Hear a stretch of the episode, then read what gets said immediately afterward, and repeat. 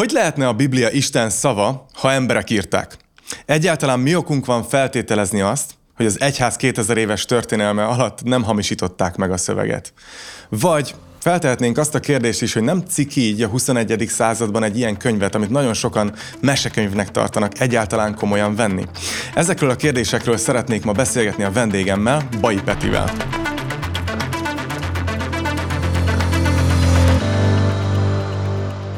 Peti, nagyon köszönöm, hogy elfogadtad a meghívást. Most még lehet, hogy örülsz ennek, de lehet, hogy a felvétel végére nem annyira fogsz, mert egy új formátumot fogunk kipróbálni ma, aminek azt a munkanevet adtam, hogy grillezzük a teológust, aminek az a lényege, hogy szeretnék olyan kérdéseket feltenni neked, ami így az emberekben megfogalmazódik, hittel, Istennel kapcsolatban, most, most konkrétan a Bibliára fogunk fókuszálni, és te pedig majd, majd igyekszel erre válaszolni, és én most tudatosan egy kicsit át fogok helyezkedni egy ilyen genyó üzemmódba. Tehát ugye azért így mondjuk el az elején, hogy mi mind a ketten keresztények vagyunk, és hiszünk Istenben, de nagyon sok kérdés szembe jön, ahogy így nem tudom, készítem a tartalmaimat, beszélgetek emberekkel, és arra szeretném, hogyha ez egy ilyen platform platform lenne ez a mai beszélgetés, hogy ugyanazokat a kérdéseket dobjam oda neked, amit így nekünk, nekem is egyébként oda dobnak máskor. Csak most így a könnyebb utat választom, hogy nem én válaszolok erre, hanem válaszoljon valaki, aki nálam sokkal okosabb. Jó, szóval ez az új formátum, de kezdjük azzal szerintem, hogy mit jelent egyáltalán az, hogy teológus? Mit jelent az, hogy teológus vagy? És akkor egyébként egy kicsit sződ is bele azt is, hogy ki vagy te, így mutatkozz be azoknak, akik esetleg még nem ismernek. Oké, okay, oké. Okay. Hát szia Attila, nagyon köszönöm a meghívást, meg minden. Én Bai Peti vagyok, három gyerekes családapa. Egyébként nagyon sokáig szolgáltam ifjúsági lelkészként a Golgotha gyülekezetben, most jelenleg gyülekezetplántáló vagyok egyébként. És hát az én teológus utam az nem, nem olyan nagyon klasszikus, de ugye a, ugye a teológus az, aki a teológián valamelyik keresztény egyetemnek a teológiáján egy öt éves képzés mondjuk végigvisz, uh-huh. akár lelkészé szentelik, vagy valami ilyesmi. Ugye én mindig ilyen szabad egyházi vonalon mozogtam, úgyhogy tulajdonképpen nekem az van, hogy van egy, egy ilyen nemzetközi szintű B a teológiai diplomám a Logos uh-huh. University-ről, és én ebben nem mentem tovább, azért, uh-huh. mert másfajta tanulmányokat folytattam, egyébként geográfus a szakmám, Igen. és az eltén doktorista, milyen társadalomtudomány, természettudomány, a földrajz az mind a két oldalt bemutatja, de végül is ilyen városkutatásból. És azért izgalmas, mert sokat voltam teológusok között, sokat vitáztam velük, nagyon sok teológiai könyvet elolvastam, mert hogyha az ember egy doktori képzést végigcsinál, akkor megtanítják arra, hogy hát hogy mondjam, mik a helyes jó források, hogyan lehet tényleg kutatni uh-huh. egy mhm. bármilyen témát, és mik a, hát hogy mondjam, kicsit ilyen bullshit jellegű irodalmak. Úgyhogy én, én nekem az a hozzáadott érték a teológiámhoz, hogy kicsit természettudósként, kicsit társadalomtudósként, meg kicsit ez a kutatói szemlélettel nézem azt, hogy tényleg van adat a Bibliára erről, erről nincs, nincs adat, milyen könyveket érdemes elolvasni, szóval mondjuk itt sokat olvastam, hmm. de, de ezt a, a formális képzést nem vittem tovább, tehát néhányan azt gondolják, hogy a PTF-en is tanítok, meg ilyesmi, hogy én a teológiának vagyok a doktora, Igazából ez nem igaz, de, de azt hiszem, hogy kevés olyan téma mm. van, amiről nem nagyon olvastam volna. De attól még, hát Igen. nem tudok én sem mindent, tényleg, de na, kíváncsi vagyok a kérdésekre, hogy ez szuper, így hogy... Szuper, Hát, Szóval teológus és geológus, akkor itt kell elsütni azt a viccet, hogy ég és föld Valami a különbség. De geográfus, ez bocsánat, más. Bocsánat, de, bocsánat. Igen, de, de, igen. igen Már igen. is elárultam a tudatlanságot. Igen, ja. igen, időjárás bemondó, az is jó. Igen, és egyébként azért azt is ide szeretném tenni, hogy azért téged hívtalak, mert amúgy én nagyon tisztellek téged, mm. és nem csak a tudásodat, hanem téged is, mint embert, és uh, szoktunk időnként egyébként, most így a kulissza, kulisszák mögé beengedjük yes. a nézőket, hallgatókat, néha olyat csinálni, hogy készülök egy, nem tudom, tanításra, hogy van valami ilyesmi, és így felhívlak, hogy Peti, erről most mit kell gondolni, vagy, mm. így, vagy így egyáltalán ez így megállja a helyét, amit most itt készülök tanítani. Szóval élveztem ezt a fajta együttműködést, és már hónapok óta beszéltünk arról, hogyha majd egyszer lesz egy podcast, vagy jó lenne valamit együtt tartalmat készíteni, úgyhogy, úgyhogy nagyon vártam ezt a beszélgetést, úgyhogy Nézzük is meg akkor szerintem ezeket a kérdéseket. Ugye a mai témánk ez a Biblia hitelessége, és akkor én megpróbálom ezt az emberek kérdéseit képviselni, hmm. és így odadobni neked keresztbe hosszába, ha kell, akkor így félbeszakítani, és azt mondani, hogy na de azért gondoljuk ezt újra. Úgyhogy... Csak keményen. Az a tervem, hogy nagyjából öt ilyen top ellenvetést ö, találtam, amit így az emberek megfogalmaznak a Bibliával kapcsolatban, és akkor egyenként fogunk ezen, ezen végigmenni. Egyébként, mielőtt belevágunk, engem iszonyatosan megdöbbent, hogy mennyire foglalkoztatja az embereket ez. Tehát, hogy uh-huh. ugye te is készítesz videókat a TikTokon, én is készítek videókat, és így az a mennyiségű komment, ami jön ezzel kapcsolatban, az nekem azt mutatja be, hogy ez nem egy közömbös téma, uh-huh. Ö, hanem, hanem abszolút így foglalkoztatja az embereket. Szóval, ha felkészültünk, Tudom. első kérdés. Nagyon sokszor hallom ezt, hogy oké, okay, a Biblia Isten szava, de hogy hát a Bibliát is emberek írták, nem? És ebben valahol benne van ez a, ez a, ez a gondolat, hogy hát most ahhoz, hogy itt legyen előttünk egy fekete könyv, eh, amit Bibliának nevezünk, így Magyarországon. Ez egyáltalán kellett Isten? Tudod? Tehát, hogy nem lehet, hogy ezt egyszerűen csak emberek így kitalálták, meg mm. összeírogattak mindenfélét valamilyen befolyás alatt, és akkor vannak erre tippek is a kommentek között, amit most nem mondok be, de hogy, hogy hogyha emberek írták a Bibliát, akkor, akkor hogy lehet Isten szavának nevezni? Te, te mit mondanál erre? Hát a fun fact, hogy tényleg emberek írtak a Bibliát, tehát ez, ez nagyon megbotránkoztató, de hogy mi keresztények ezt nem így képzeljük el, hogy mit tudom én, leült Ézsaiás proféta, becsukta a szemét, és így elkezdte rángatni a tollat, és egyszerűen csak így leíródott uh-huh. a mhm. szöveg hanem ezek ilyen emberi tapasztalatok. Tehát, hogyha valaki olvasta már a Szentírást, amúgy egyébként ez egy gyakori dolog így az ilyen kommentelők között, meg minden, hogy, hogy soha életükben a kezükben nem volt a szöveg, tehát, hogy uh-huh. tulajdonképpen mi is az, és akkor mondják, hogy oh, csak emberek írták, meg minden, oké. Okay. De ha végigolvastad ezt a szöveget, akkor látod azt, hogy, hogy nem úgy akar kinézni ez a szöveg, mint ami egy ilyen nagyon szép ilyen, ilyen sztorit akar kerekíteni, egy ilyen, uh-huh. egy ilyen történetet, meg tanmesét, hanem legtöbb esetben például történelmi könyvek, profitai iratok, stb. stb. azok ilyen emberi tapasztalatok összegzése. Tehát arról szól, hogy figyeljetek, én találkoztam Istennel, történt valami, történt valami ezzel a néppel, láttam valamit, és így, és így leírtam. Ugye azt nem biztos, hogy mindenki tudja, hogy 40 különböző szerzője van a Bibliának, uh-huh. és mhm. kb. 1500 év alatt íródott, tehát tök különböző körökből, más élethelyzetekből, más műveltségi fokon voltak ezek az emberek, Aha. voltak egyszerű pásztorok, ugye nagyon művelt, akár ilyen teológus jellegű emberek is, akiket úgy Isten megszólított, és valami történt velük, és azt így, és azt így detektálták. És ami nagyon-nagyon izgalmas, pont, pont a Biblia hitelessége mellett, hogyha végigolvasod az egészet, akkor látod, hogy ennek van egy ilyen nagy története, egy nagy narratívája, uh-huh. ami egyfelé fut. És a tök különböző embernek a idézőjelbe vallásos tapasztalatai hogyan mutathatnak ennyire egy irányba? Hogyan lehet ennyire ugyanolyan az az Isten, a egy Mózestől egészen a jelenések könyve végéig. Ez egy nagyon izgalmas. De, de ugyanolyan ez az Isten? Tehát, hogy pont, pont ezen gondolkozok, ugye Aha.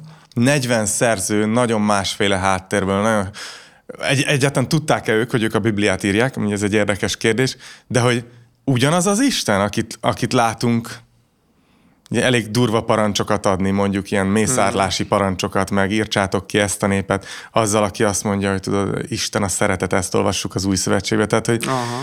Én azért ebben kicsit így kötözködnék, hogy mennyire mondható az tényleg ki, hogy, hogy ugyanaz az Isten jelenik meg mondjuk az Ószövetség meg az Új Szövetség lapjain. Szerintem száz százalékban. Ugye a, ez egy tipikus ellenvetés, hogy ez az Ószövetség Isten a kis haragos, mérges, mindig ítélet, meg ilyen kis durcás, csak az új szövetség az meg a szeretet, a cuki, a kedves, a minden. De ez az, hogy az új szövetségben is van ilyen szituáció, hogy Anániás és Szafira meghal Isten ítéletétől egy keresztény gyülekezet korai szakaszában például. Vagy van, hogy ilyen, és Aha. a könyvében Jézus azt mondja, hogy figyelj, ha ebbe a gyülekezetbe folytatjátok a tévtanítást, akkor meg fogom ennek a tévtanító embernek a forrását betegíteni meg ilyesmi, meg ilyenek, meg Akkor maradt a haragos. Isten? Nem. Az Ószövetség teli van Isten kegyelmével például. Tehát, hogy éppen, épp ez tök vicces, ma olvastam, ahogy a Mózes így kivezeti a népét a, a Egyiptomból, és hogyha elol, elolvasod a szöveget, azt látszik, hogy se az egyiptomi emberek, se Mózes igazából mélyen nem hitt abba, hogy ez így meg fog történni, hanem egy tök szkeptikus volt, nem akart ezt az egészet, nem is értette, mi van, és Isten fogta őket, és akkor is megszabadította. Tehát nem az ő hitüknek az ereje meg mélységén múlott, uh-huh. hanem Isten jóságán, kegyelmén. Tehát így tel, teli van, vagy ott van Dávid, ahogy Dáviddal bánik az Isten, hogy milyen. Tehát, hogy igazából Istennek van két nagyon fontos tulajdonsága. Az egyik az, hogy ő a világ mindenség igaz bírója. Hmm. Hogy ő komolyan veszi azt, hogy ha, ha valaki lázad ellene, ez nem csak annyit jelent, hogy jaj, most bibibi, utálok Isten, vagy mit tudom én, hanem alapvetően azt mondja, hogy én azokban a azokban a, abban az erkölcsi rendben nem értek egyet, amit te mondasz. Uh-huh. És amint ez, ez elindul egy másik irányba, abból destruktív lesz, erőszak lesz, bántás lesz, stb. Uh-huh. És Isten szigorú, és azt mondja, mint egy jó apa, hogy idáig és nem tovább. Tehát ezt uh-huh. nem csináltod, meg tönkreteszed a környezetedet. Tehát itt látjuk Isten szigorúságát, de van egy nagyon mély ember szeretete, hogy bár nagyon-nagyon szét tudjuk hát cseszni a világunkat, mondjuk így, de ő meg akar, megmenteni, meg akar minket menteni uh-huh. ebből a dologból. Tehát így a saját, saját hülyeségeinkből, és ez a kettő mindig együtt mozog az Ószövetségben is, és uh-huh. az Új Szövetségben is. Hm. Tehát ez ilyen nagyon érdekes. Igen. Na hát szóval akkor azt mondod, hogy, hogy nem, tehát hogy emberek írták, de hogy ez, ez tudatosan, tudatosan történt így? Vagy így tehát, van, hogy... így van, így van, így van. És... De ez nem egy, egy, ez nem egy nehezen hihető történet? Tehát mondjuk honnan tudjuk azt, hogy valaki, aki írt egy könyvet, hogy ez tényleg bármi köze volt Istenhez? Mhm. Érted? Tehát most honnan tudjuk, hogy nem csak evett valami gombát ott, mert éppen vándoroltak, aha, vagy aha, nem aha. tudom. Honnan lehet tudni azt, hogy ő tényleg egy olyan írást írt, ami, amihez Istennek valóban köze van. Most tudom, hogy ez ilyen eretneknek hangzik, de... Aha, aha. Sőt, hogy úgy tudom, hogy van olyan könyv is, amiben Isten meg se jelenik. Van olyan is, igen, igen. Akkor igen, ezzel igen. mi van? Eszter könyve, például, igen, igen. Arra igen. tippeltem, úgyhogy most... Hú, megvan, igen, igen. De hogy erre például mit, um, mit mondanál? Az egyik az egy ilyen koncepcionális kérdés full hihetetlenek tűnik, ugye azt gyakran megfogalmazzák, hogy, hogy miért emberekkel írta le. Tehát miért nem ő maga írta le, vagy ő maga Igen. adta valahogy, mert ez sokkal szentebbnek tűnik. Hát miért kell hát, az emberi főleg, törékeny? Úgy tudom, hogy van is olyan uh, vallás, ahol ugye így mondják, hogy így született a szent írásuk. Igen, hát a Korán. Például a Korán igen, egy ilyen, igen. hogy az egy ilyen egy az egybe lediktált, leközvetített üzenet, ugye Allah szájából, így van. gondolom. Egyetlen szemtanú van Mohameddel, tehát ez így tök érdekes, hogy, hogy itt mondjuk a bibliaírásokban így több ezeren szemtanúk ott voltak, stb. vannak régészeti bizonyítékok, hogy tényleg létezett Izrael, tényleg akkor ott volt Izrael, tényleg volt Egyiptomban is Izrael, stb. stb. Dávid király. Tehát ne, történészek nem tagadják, hogy Dávid király nem is létezett, meg igen, mit tudom én. Tehát ezek, ezeknek azért stabil történeti átterük van. Hát vagy mormon könyve. Ott Á, is, a mormon könyve ugyanaz, igen, igen. De akkor a Bibliánál tehát 40 ember honnan tudjuk, hogy ők tényleg Bibliát írtak?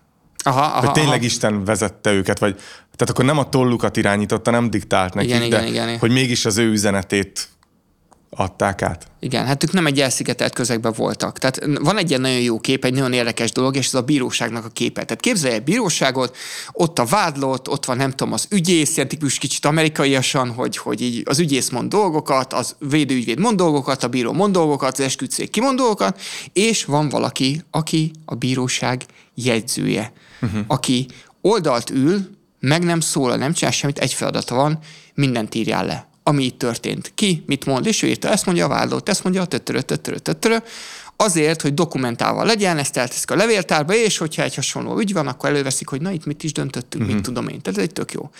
És emberileg bárki nem hívő is azt mondaná, hogy persze, ez egy tök jó dolog, vagy valami. Tehát uh-huh. a bírósági jegyzőkönyvben nem mondjuk azt, hogy várjál, várjál. Mi nem is azt mondta a bíró. Miért? Hát mert a jegyző írta le. Hát nem a bíró írta le. Hát nem is azt mondta a vádlott. Hát, hát a jegyző írta le. Hát ugye onnan tudjuk, hogy az nem, mert, mert van ez a dolog. Tehát hogy mi használjuk ezeket a dolgokat, amikor, uh-huh. amik, amikor akarunk valamit dokumentálni. Uh-huh. És Isten ugye egy kapcsolatban, partnerségben volt a, mindig is az emberrel. Tehát ő megszólította az embert, bejött, és mit tudom én, amikor megszabadította Egyiptomból Izraelt, és volt a hosszú folyamat, a tízcsapás, meg minden, tehát ott, ott egy kétmilliós nép ezt az egész történetet végignézte. És persze volt egy jegyző, aki tudott írni, és leírt, hogy uh-huh. Mózes könyve, ez történt. De hát a többiek tudják, hogy ez itt van. Egy csomó ilyen rész van a Bibliában, hogy és ez a kő, amit oda leraktunk a Jordán mellett, ott van a mai napig, meg mit tudom igen, én, el lehet igen. menni, meg lehet nézni.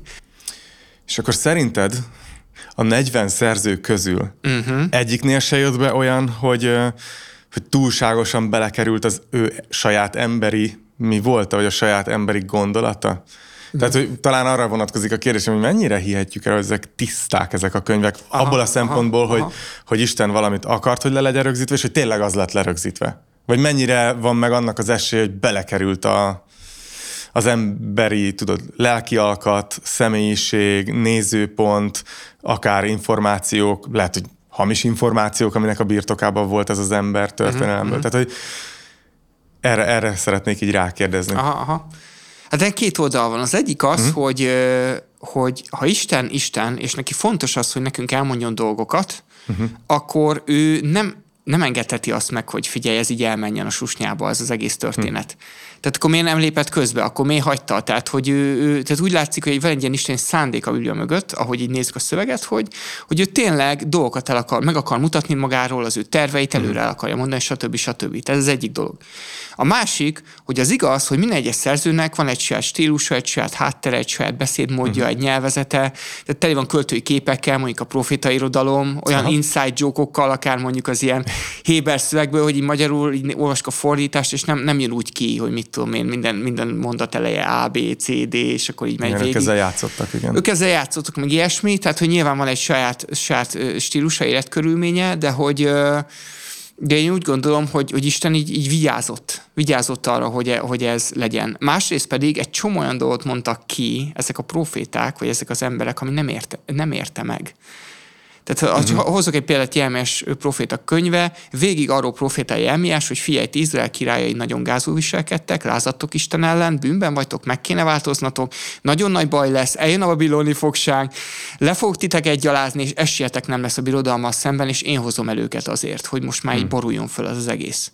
Mit gondoltak Jelmiásról végig? Hazáruló vagy, nyomod lefele a harci morált, nagyon gáz vagy, hogy adhatsz ilyen tanácsot hmm. Isten nevében? Tehát, hogy, hogy neki ezeket saját agymenésből nem érte meg Aha. leírni, mert, mert így is, tehát így üldözték, meg ciszternába vetették, meg bántották, meg mindent csináltak Igen. vele. Tehát ez amúgy egy elég komoly érv, amit felszoktak hozni, amellett is mondjuk, hogy a tanítványoknak megérte-e ez a Ó, feltámadás igen, sztori. Igen, igen, igen. igen de, hogy, de te azt mondod, hogy ez egy komoly érv, hogy nem feltétlenül volt ez, nem érte meg leírni igen, ezeket a könyveket. Igen, igen, igen. Egy hatalmas ellenérdekeltség igen. szembe jött, ment folyamatosan a Biblia Igen. szövege az Ószövetség. Magyarul egy módon nem logikus, hogy megszületett. De akkor itt jön be szerintem a második ellenvetés, és itt át is térnék így, mm-hmm. igazából így a második mm-hmm. témakörre, hogy nagyon sok emberben benne van ez a gondolat, hogy nem lehet, hogy csak egy óriási átverésnek vagyunk a része a Bibliával kapcsolatban. Tehát, hogy nem lehet, hogy ezt az egészet így a papok,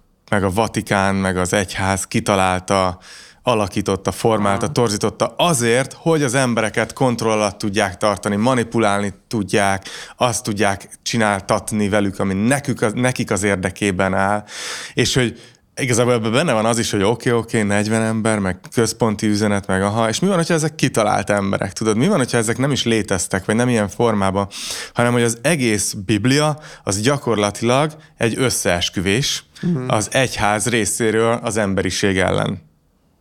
Na hát ez egy zseniális felvetés. Ez, Köszönöm. Ez gyakran jött, tehát nagyon jó, nagyon jól csinálod, igen, igen. Olyan szempontból is, hogy tehát két dolog szokott itt összekötődni. Az egyik az, hogy a Bibliát biztos meghamisították. Én úgy érzem. Igen, ez igen. kész. És akkor megkérdezem, hogy és amúgy ezt honnan tudod? Hát ezt mindenki tudja. Tehát ez egyértelmű. De, de honnan tudja mindenki? Hát, hát ne, és itt, itt így megáll történet, és ugye ez a Vatikán, Vatikán sztori, uh, ez a felvilágosodás klasszikus mesé a keresztény hitről, ami ugye a uh-huh. 17. század végétől kezdődött, ez egy kulturális fordulat Európában. Ez megfigyelhető, hogy ott jelent meg? Abszolút, abszolút. Uh-huh. Abszolút, és ez azért, mert ugye nem csak az volt, hogy ugye a tudomány elkezdett így, így tök jó eredményeket hozni, meg minden, hanem elkezdett a közgondolkodás megváltozni. És ugye mi is uh-huh. Európában érünk, ezek olyan egyébként nagyon európai ellenérvek. Uh-huh. Tehát volt régen előtte egy ilyen istenközpontú világkép, hogy azért mindent ő rendez, meg minden, mert ugye a, a középkori egyház tartotta össze Európát, Igen. tehát hogy társadalmi szempontból is.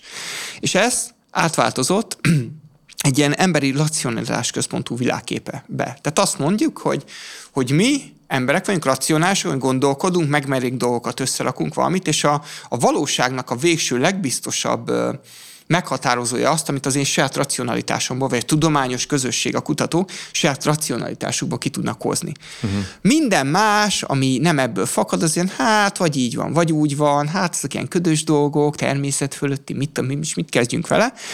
És, és a cél az volt, hogy, hogy hogy azt mondják, hogy, hogy a tudomány eredményei az, az alapján mi a valóságot így föltérképezzük, hogy magunk uh-huh. körül mi van, minden ebben más, ebben bízunk, minden más egy mese. Uh-huh. És ez, ebből jön ez a Biblia mesekönyv. Érdekes.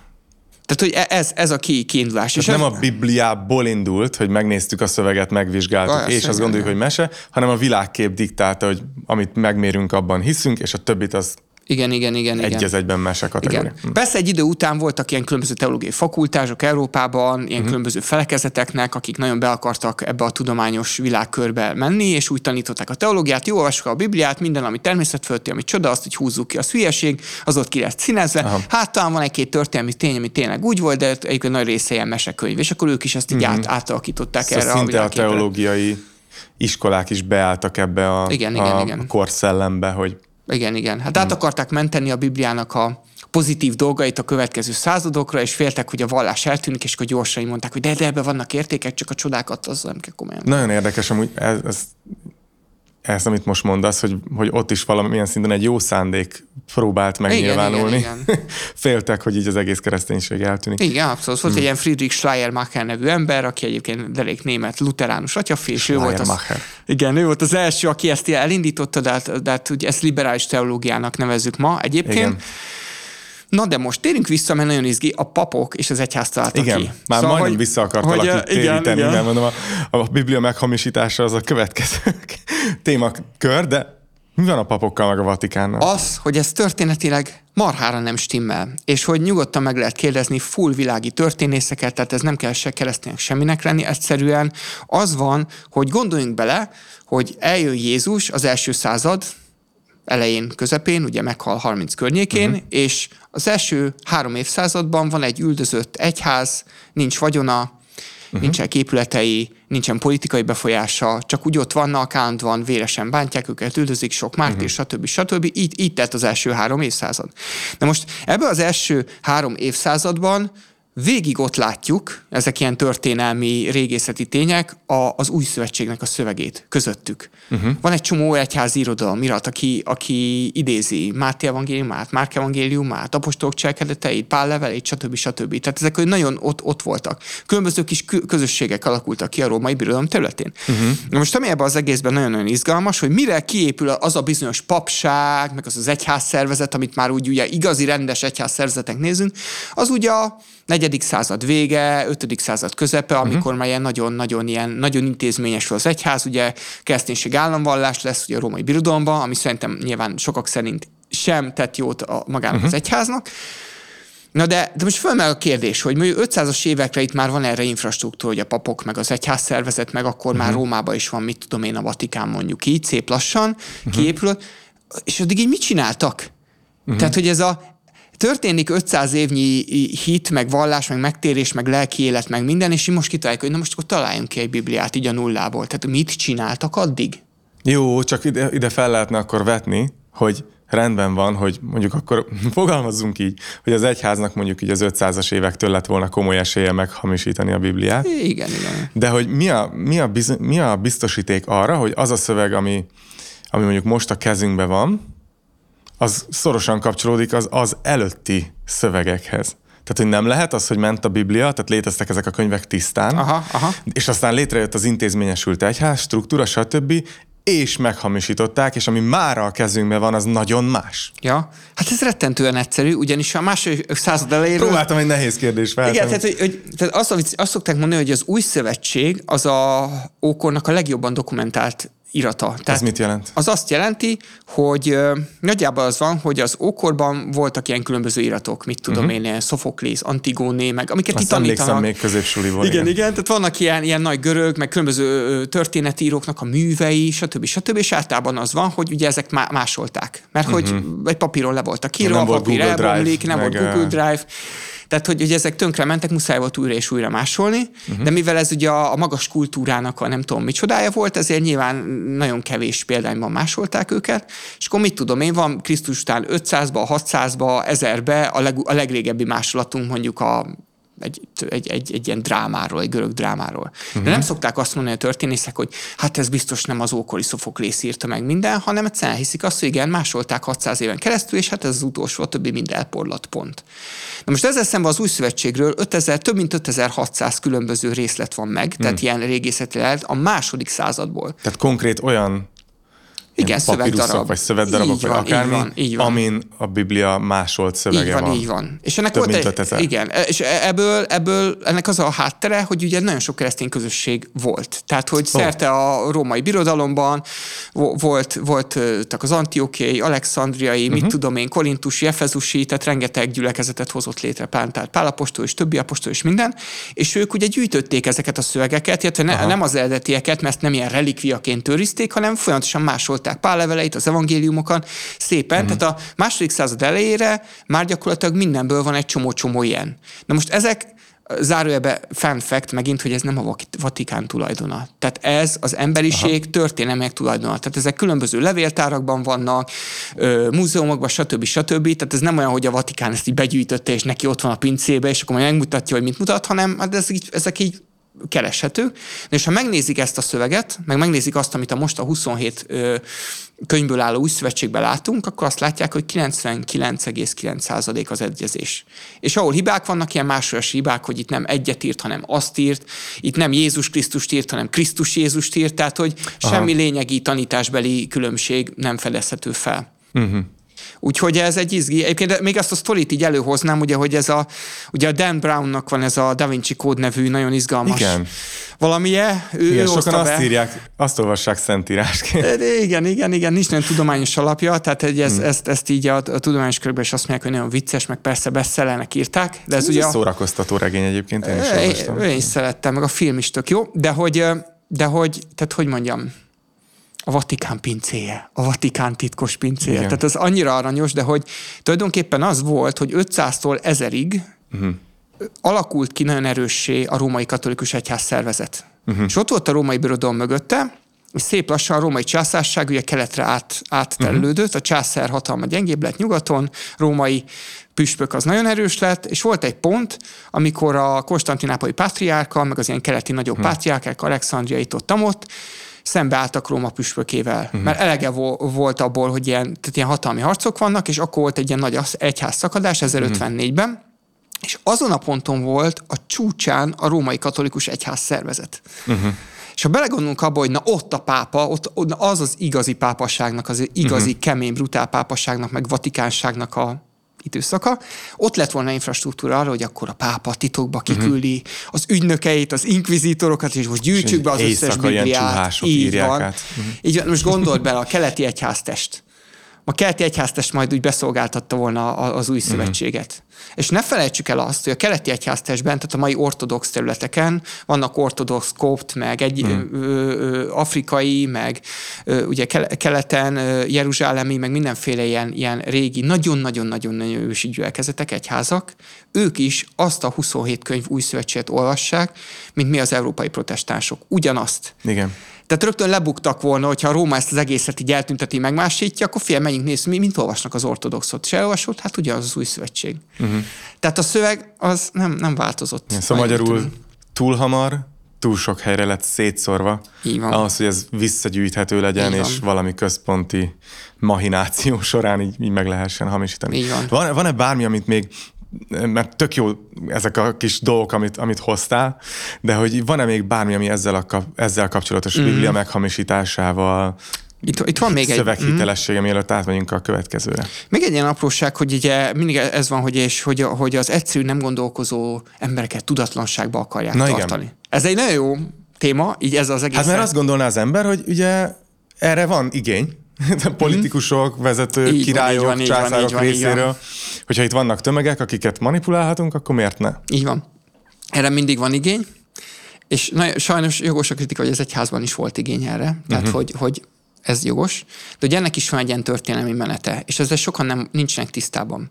Hogy tulajdonképpen, amikor Pálapostól elkezdett missziózni első században, vagy első két-három században, még a kereszténység hajnalán, az egy ilyen poszthellenisztikus, művelt római birodalom volt. Tehát elmentek nagyvárosokba, uh-huh. ott azért az emberek tudtak olvasni, uh-huh. ezért is ugye a szövegeket is másolták, meg ilyesmi, és és lehetett gondolkodni, volt idő olvasásra, emelkedésre, ugye Pálapostól is mondja, hogy fontoljátok meg ezt, meg ezt, ezt, meg olvassátok Igen. ezt, meg ezt. Tehát, hogy, hogy, hogy akkor az, az, az volt, hogy, hogy annak örömünnepet ültek, hogy mit tudom én, ha mit tudom, az egyik gyülekezetben meg volt mind a 27 könyve az új szövetségnek, és uh-huh. ezt mhm. mind olvasgathassák, meg másoljátok át a szomszéd településen lévő gyülekezetnek, hogy uh-huh. ők is olvashassák. Tehát ez egy kincs volt neki. És nem az volt, hogy ne, nehogy belenézzetek, meg nehogy gondolkozzatok. Tehát ott mindent értettek az emberek, és a keresztény vezetők nem álltak a korkú tudománya ellen, ez nagyon fontos. Tehát, hogy semmi Aha. ilyesmi nem volt, hanem csak így terjedt, éltek, működtek. De volt egy nagy fordulat, és ez a római birodalom bukása után volt, ugye az 5. századtól kezdve, amikor széthullott mondjuk így a római birodalom, Európában meg rengeteg-rengeteg műveletlen nép keletről uh-huh. bevándorult. Uh-huh. És az nagyon izgalmas ebben a történetben, hogy ott az egyháznak föl kellett venni azt a szerepet, hogy ők tartsák össze a társadalmat. Tehát mhm. mindenkinek, egész városoknak templomba kellett járni. Hát mert nem is voltak azok a nemzetállamok, amik így ma, így amiket van, ma látunk. Van, tehát akkor van. láttam ilyen térképet Európa, hogy ilyen brutál széttöredezett, tehát sok ezer, vagy sok van. száz ilyen kis apró így van, és barbár törzsek öldökölték egymást. Csak volt néhány uralkodó, aki azt mondta, kicsit erősebb volt, hogy fi, ez hülyeség, ez hosszú távon sehova nem vezet az egyházat kérjük, aki mondjuk művelt, meg izé, hogy valahogy segítsen. Ebben láttak eszközt, akkor. Így van, így Aha. van. És, és az egyház ebben beleállt. Uh-huh. Igen, ami volt egy pozitívsága is, meg egy negatívsága uh-huh. is, hogy, hogy, hogy túl nagy felelősséget vett magára. Uh-huh. Na, de amikor ez történt, akkor uh-huh. volt az, hogy a latin volt a, az Isten tisztelet. Mert hogy jött a régi római, Aha. ők latinul tudtak, de a, ezek már nem tudtak latinul úgy. Tehát, hogy ez ilyen hókusz-pókusznak hangzott, hogy itt uh-huh. mi történik, nem értették a felét, nem értették az evangéliumot, nem értették, hogy mit, mit miért csináltak, mert olyan szintű új tömegek áradtak be az egyházba, ezek uh-huh. ugye nemzetállamok, vagy hát akkor nem nemzetállamokat nevezték, de mondjuk ezek a törzsek, hogy, hogy lehetetlen volt egyenként elmagyarázni mindenkinek, hogy akkor figyelj, akkor ez azt jelenti, és akkor izé. Tehát nem volt egy ilyen lassú uh-huh. tanítványozási folyamat, ami amúgy az első századokban igen, ez volt. Igen, Csatlakoztál, katekizmus, mit tudom én. Tehát, hogy, hogy, hogy ez nagyon ott volt, és ezt szerintem azért nagyon-nagyon fontos, mert hogy ez a tudomány ellenesség az, az már a, a katolicizmusnak a fénykorában Európában volt, hogy az volt, hogy nekik a társadalmat is össze kell tartani, világnézeti, integrált szinten minden, és amikor jött, mit tudom én, egy, egy, egy kutató, aki azt mondta, hogy hát nem is geocentrikus a világkép, hanem heliocentrikus, meg vannak ilyen nagy sztorik. Mágiára. Mágiára, meg minden, akkor igazából azt tényleg úgy érték meg, hogy a hatalmunkat ezt most le akarják rombolni, mert mi eddig nem azt mondtuk. De ez már egy hatalmi kérdés volt, és nem bibliai kérdés Tehát volt. magyarul, ha jól értelek, akkor azt mondod, hogy az, hogy az egyszerű embereket manipulálni, kontroll alatt tartani, ahhoz sokkal jobban hozzájárult az, hogy mondjuk a latin volt az egyház nyelve. Igen, igen, igen. Tehát nem azt csinálták, hogy a Bibliát írták át, hanem egy olyan nyelven használták, amit a többség nem értett így van. egyáltalán. Tehát így inkább van. talán így jelent meg ez a kontrollfunkció, de, de a Biblia hitelességét sokan. nem érintette ez. Igen, igen. Ott, ott volt a szöveg, és sokan papok se tudtak úgy rendesen olvasni, tehát hogy ez a Luther Márton ilyen vicces az 1500 évekből, hogy elmegy valahova tanulni, és így leveszi a polcra a Bibliát, amit ő még soha nem olvasott életében, miután hány évtizede szerzetes. Igen. És akkor rácsodálkozik, hogy ez a szentírás, és Igen. megtér a római levélre. Tehát ilyen eszméletlen Igen. dolog. Térjünk rá akkor a következő témára, yes. amit most már egy kicsit meg is pingeltél az előbb, ez a tudomány és a, és a hit.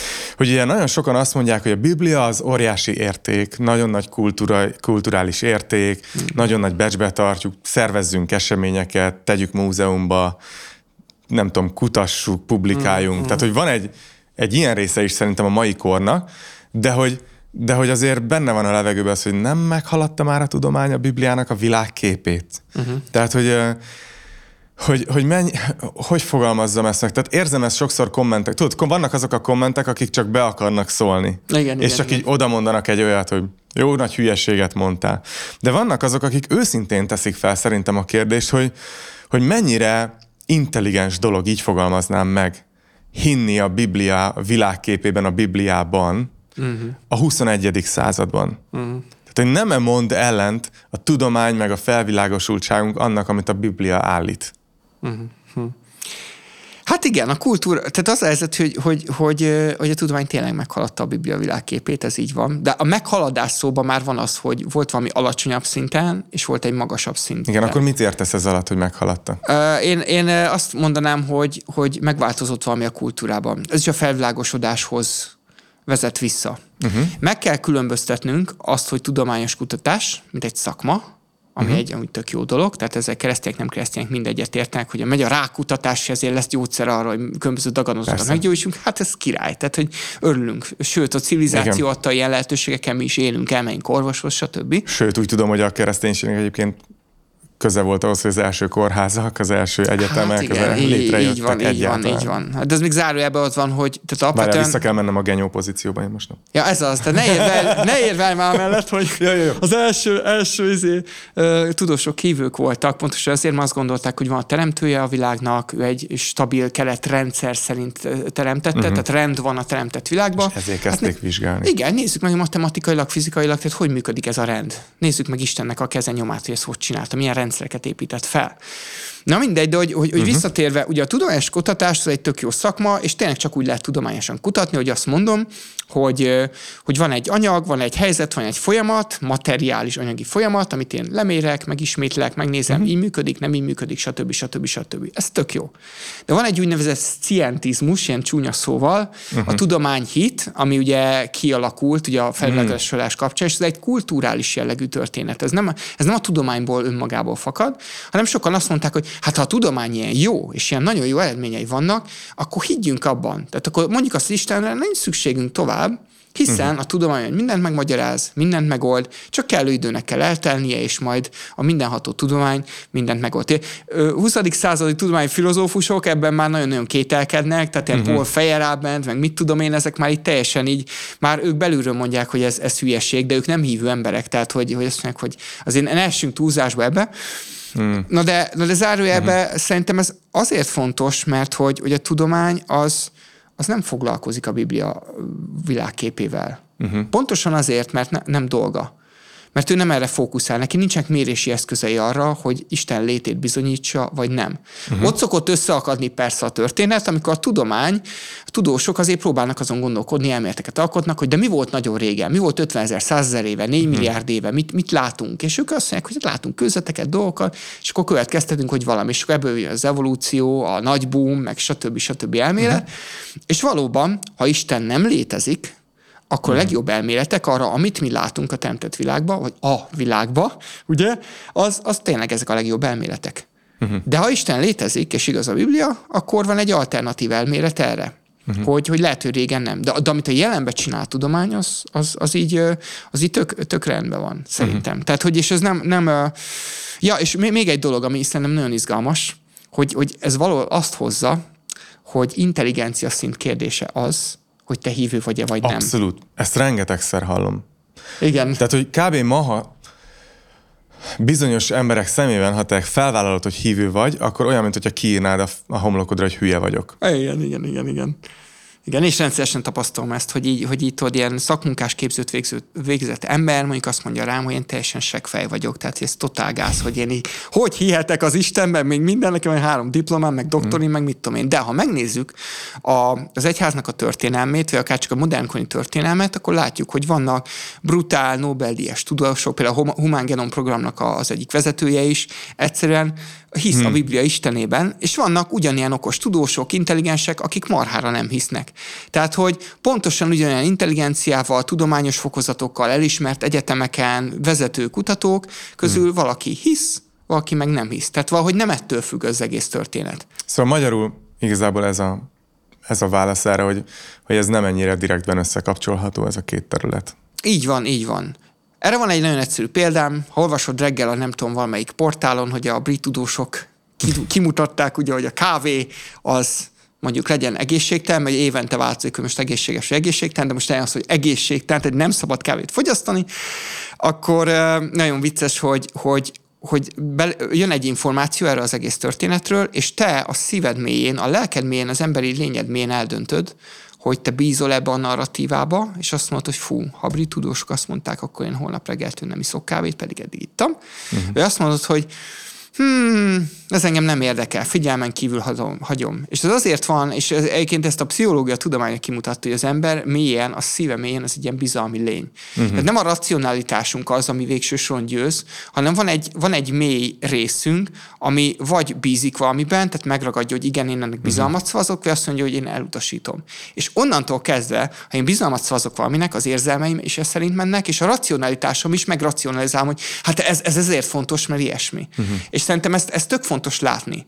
És ott a két tudós ugyanazokból az adatokból ugyanolyan eredményeket hoz, ugyanúgy a teremtett világot zseniális módon kutatja, uh-huh. és egyik azt mondja, hogy szerintem az, hogy így néz ki a teremtett világ, ahogy kinéz, az arra mutat, hogy van egy teremtője. Mert uh-huh. én bízok a szívemén valamiért, valami más miatt ő benne. Uh-huh. Nem feltétlenül a tudományos eredmények miatt. A másik azt mondja, hogy hát minden, amit látunk, az azért van, mert hogy mindent a véletlen csinál. Mert biztos, hogy nem lehet Isten. Szóval szerintem ez itt dől el, és nem a, nem a racionáltás szintjén uh-huh. dől el. És azért a tudomány maga, tehát a természettudomány teljesen alkalmatlan arra, hogy azt mondja, de, de egy becsületes természettudós az el is mondja, hogy gyerekek, mi nem fogjuk tudni hmm. a empirikus adatokkal se alátámasztani, hogy igen, létezik az Isten, mert nincs rá műszerünk, ha a Biblia Istenet nézzük, aki láthatatlan és nincs anyagi oldala, de azt se tudja lehozni, hogy nem, nem, most a tudomány bebizonyította, hogy nincs Isten. Igen. Igen. De Ez a becsületes. Kommentál, igen, igen, tehát hogy a tudomány bebizonyította, hogy nincs, szó nincs erről de nem is tud ezzel foglalkozni, nem is akar ezzel foglalkozni. Úgyhogy Nagyon jaj, szuper. Hmm. Tetszett, ahogy összekötötted a tudományt és a brit tudósokat. No, még egy témakört vegyünk, vegyünk így napirendre, és ez talán így az a, a leg, legnehezebb egyébként hallani, de szerintem jó szembenézni vele, vagy így elgondolkozni rajta. És az az, hogy ma egyre többen vannak, akik konkrétan azt mondják, hogy a Biblia az káros. Mm. Tehát, hogy tele van ugye erőszakkal, népírtással, előítélettel, igazságtalansággal. Te itt hoztad a példákat, hogy Isten mennyire kegyelmes is, de az összes példa, amit említettél, Izrael népére vonatkozott. Mm. Mi van ezzel? Sok esetben ezek állítólag Isten parancsai, ezek a szörnyűségek, és hogy azt mondják az emberek, hogy oké, okay, mondhatjuk azt, hogy ez az Ószövetség volt, az új szövetségben már más időket élünk, e, nem éreztem mondjuk ezt a különbséget a te szavaidban, de, de ugye használják ezt is érvként, viszont azt is mondják, hogy a keresztények azóta is, sőt, napjainkban is számtalan esetben használják arra a Biblia tanítását, hogy mondjuk igazolják az erőszakot, igazolják az elnyomást, igazolják azokat a gaztetteket, amit végrehajtanak. Tehát, hogy azt mondják, hogy lehet, hogy jobb lenne megszabadulni ettől az egész Biblia nevű valamitől, mert hogy, mert hogy ez valószínűleg több kárt okozott az emberiségnek, mint hasznot. Uh-huh. Hát én ezzel azért nem értek teljesen egyet, bár, a, bár hogy ez több kárt okozott, mint az emberiségnek hasznot. Én inkább uh-huh. azt mondanám, hogy, hogy minimum ugyanannyi hasznot, mint kárt okozott. Vagy ezt lehet, fel lehet empirikusan többen. mérni? De ne, ne, ne, ez ezt empirikusan fel, tehát lehetetlen nyilván empirikusan mérni. Ö, az a helyzet, hogy a kommentelőkben nagyon sok igaz van, és én nagyon nem uh-huh. szeretem, amikor keresztények jönnek, és elkezdik tagadni azokat a szövegeket a Bibliából, amik ott vannak. Tehát, hogy legyünk uh-huh. már műveltek a saját hitünkkel kapcsolatban. Uh-huh. Tehát, hogy számtalan esetet hoztam, hogy kiakadnak nem hívő emberek, hogy de hogy mondhatsz ilyet, de hát felolvasom neked, ott van benne, és ott nem mond a Biblia, de, de mond ilyet a Biblia. Uh-huh.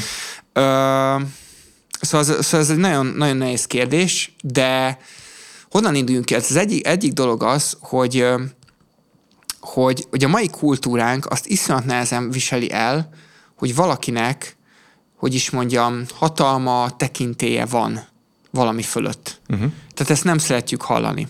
És a Szentírás belül teljesen egyértelmű, hogy mi emberek nem vagyunk egyenlők az Istennel.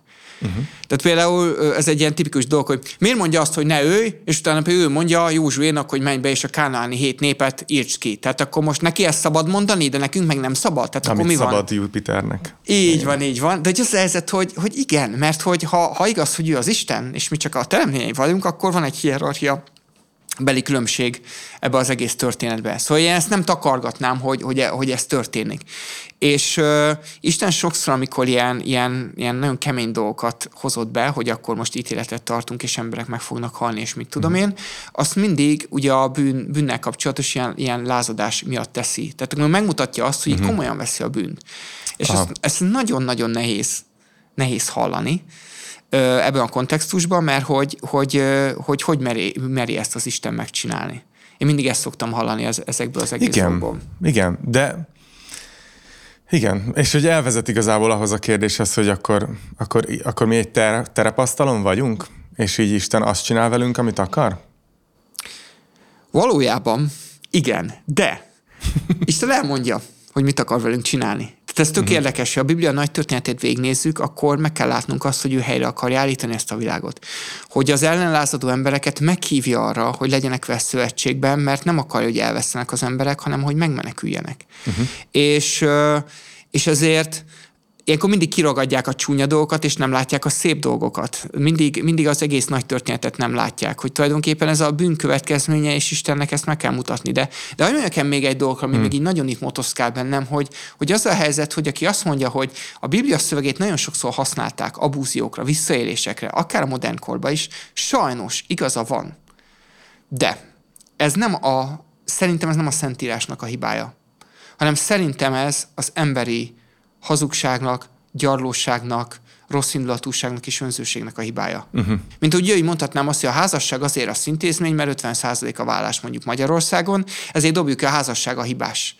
Miért hibáztatok valamit, amikor én követtem el ezt a valamit? Tehát, hogy nem én vagyok a hibás, a házasság a rossz koncepció. Uh-huh. És igazából amennyi rossz példát lehet látni, hogy rosszul, értek, rosszul értjük mi keresztények sajnos a saját szentírásunkat, uh-huh. és a saját önző dolgaink miatt visszaélünk a saját szentírásunkkal, ami szerintem nagyon-nagyon gáz.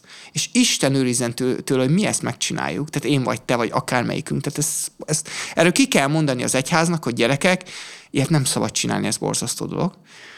De hogy ott van a másik, hogy, hogy annyi pozitív, áldott, csodálatos gyümölcse van annak, ha valaki ezt megérti, és életmódon érti a saját Bibliáját, a Szentírását. Ha életmódon éri az evangéliumot, hogy, hogy igazából hát, hát ez az Istennek a nagy terve. Tehát ezt kidobjuk, akkor azt mondjuk, hogy minket nem érdekel, hogy ő, ő, ő mit akar csinálni. Tehát én ezért nem dobnám ki ezt az egész történetet. Uh-huh. Tehát attól még, hogy mi tökéletlen hülyék vagyunk néha, és be kell valljuk, hogy néha evangéliumi hívők, akik tényleg hiszünk a Bibliának a, a, a hitesség, mi is meg tudjuk ezeket csinálni. Ez, ez inkább, hogy is mondjunk, ez, ez inkább ránk, ránk rossz fényt vett, de, de ez nem Jézusra, nem a Biblia Jézusára uh-huh. vett rossz fényt. Tehát, hogy, hogy, hogy én ezt így, így látom. És plusz, ha már az Ószövetségi kegyelemről van szó. Ugye a, szerintem a best of story, amit így szó, szoktak hozni, és nézzünk szembe a legkeményebben, ha szabad, még van uh-huh. időnk erre, az ugye Józsué, ott van hét nép, kánániak, periziek, hiviek, jabusziak, mit tudom én. Igen. És hogy Józsuénak azt mondja az Isten, hogy te, te most így bemész, és fogod és a teljes kultúráikat, minden épületüket, férfiakat, nőket, gyerekeket, hát, az egész népet. Ez brutális, tehát, hogy, hogy ki van hangsúlyozva, hogy nőket is, gyerekeket Így is, van. senkit ne hagyjál. Így tehát, van. Hogy, szerintem ez, amivel nehezen tudunk mit kezdeni. Így van. Lássuk meg még valamit a szövegből. Azt, hogy amikor bevonult Józsué, az egy lassú hadászati folyamat volt. Uh-huh. Tehát évtizedek kellettek, mire végigment ez a honfoglás, és akkor se volt teljes. Azt is lehet látni a szövegből. Igen. Tehát például, amikor bementek az első városba, a Jerikóba a kémek, hogy akkor megnézzék, hogy mi van, ez az első nagy projektje Józsuénak, akkor ott volt egy prostituált nő, egy Ráháb nevű asszony, aki odament, leborult, és azt mondta a, ezeknek a zsidó kémeknek, hogy figyeltek, én rájöttem arra, hogy a ti istenetek nagyobb, mint uh-huh. az enyém, mint akit itt tisztelünk. És rájöttem, hogy hogy én, hogy én félek, és én, és én könyörgök. Tehát, hogy, hogy én, én, én nem akarok belehalni. Én inkább csatlakozom a ti istenetekhez. Mm. Vagy valami, kérlek. És így meg is mentette a kémeket, ugye nem találták meg a Jerikó férfi, stb. stb. ott van a Bibliában.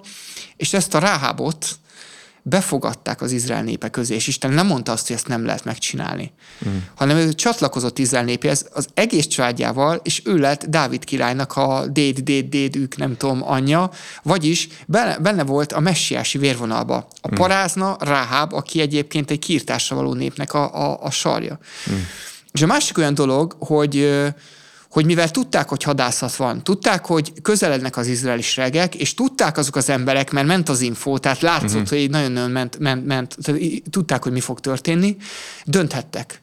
Mondhattam azt akármelyik városban, ott, hmm. hogy itt van az életem, itt van a családom, jön az Izrael. Tudom, mit fog csinálni az Izrael. Úgy néz ki, hogy nagyon sikeres az Izrael. Mit kezdek én ezzel az infóval? Hmm. Itt maradok, és azt mondom, hogy nem baj, én küzdök a kultúrámért, a pogányságomért, az Isten elázadásomért, az erkölcsterségemért. Hmm. Fúj Izrael, és ennek az eredménye az lett, hogy az egész családom meghalt, mindenestül, gyerekestül. Vagy azt mondom, hogy figyelj, én nem tudom, itt mi van, de inkább elmenekülök. Vagy legalább átgondolom. Vagy átgondolom, igen. És, hogy, és volt egy olyan nép, aki konkrétan ment, és így eljátszotta a színházat igen. a Izraelnek, hogy ah, mi messziről jöttünk, kössünk szövetségektől, a gibeoniták, ha jól emlékszem, jól emlékszem. Azt hiszem, így hívták őket. És Izrael bevette őket a szövetségbe, úgyhogy átverték őket. De hogy onnantól kezdve Isten azt mondta, hogy nem szabad bántani őket, őket nem szabad kiirtani. Mert ők mégis valahogy úgy oltalmat kerestek az Izrael Istenénél. Tehát nem ilyen fekete-fehér, hogy odamész, nincs kérem, nincs irgalom, nincs kérdés, ki kell írtani, hanem hogy gyerekek, mi most itt jövünk. Hmm. Tehát, hogy Isten adott időt menekülésre azoknak az embereknek, ha akartak. Igen. De, ja, de a büszkeség, és azt mondjuk, majd mi, tolt ki, jöjjön csak az Izrael, ki az Izrael istene, azok, azok mm. sajnos feltették az egész családjukat. Ez egy szofisztikálja ezt a képet szerintem. Igen, például. igen abszolút.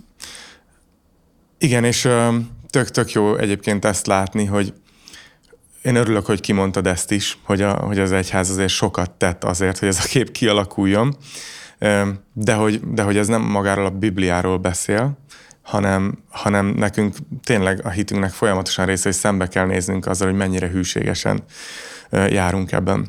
Hát nagyon köszönöm, hogy, hogy jöttél, meg felkészültél. Nem tudom, hogy ez a kamerában is látszik, de nagyon jó kis jegyzeteket is hoztál.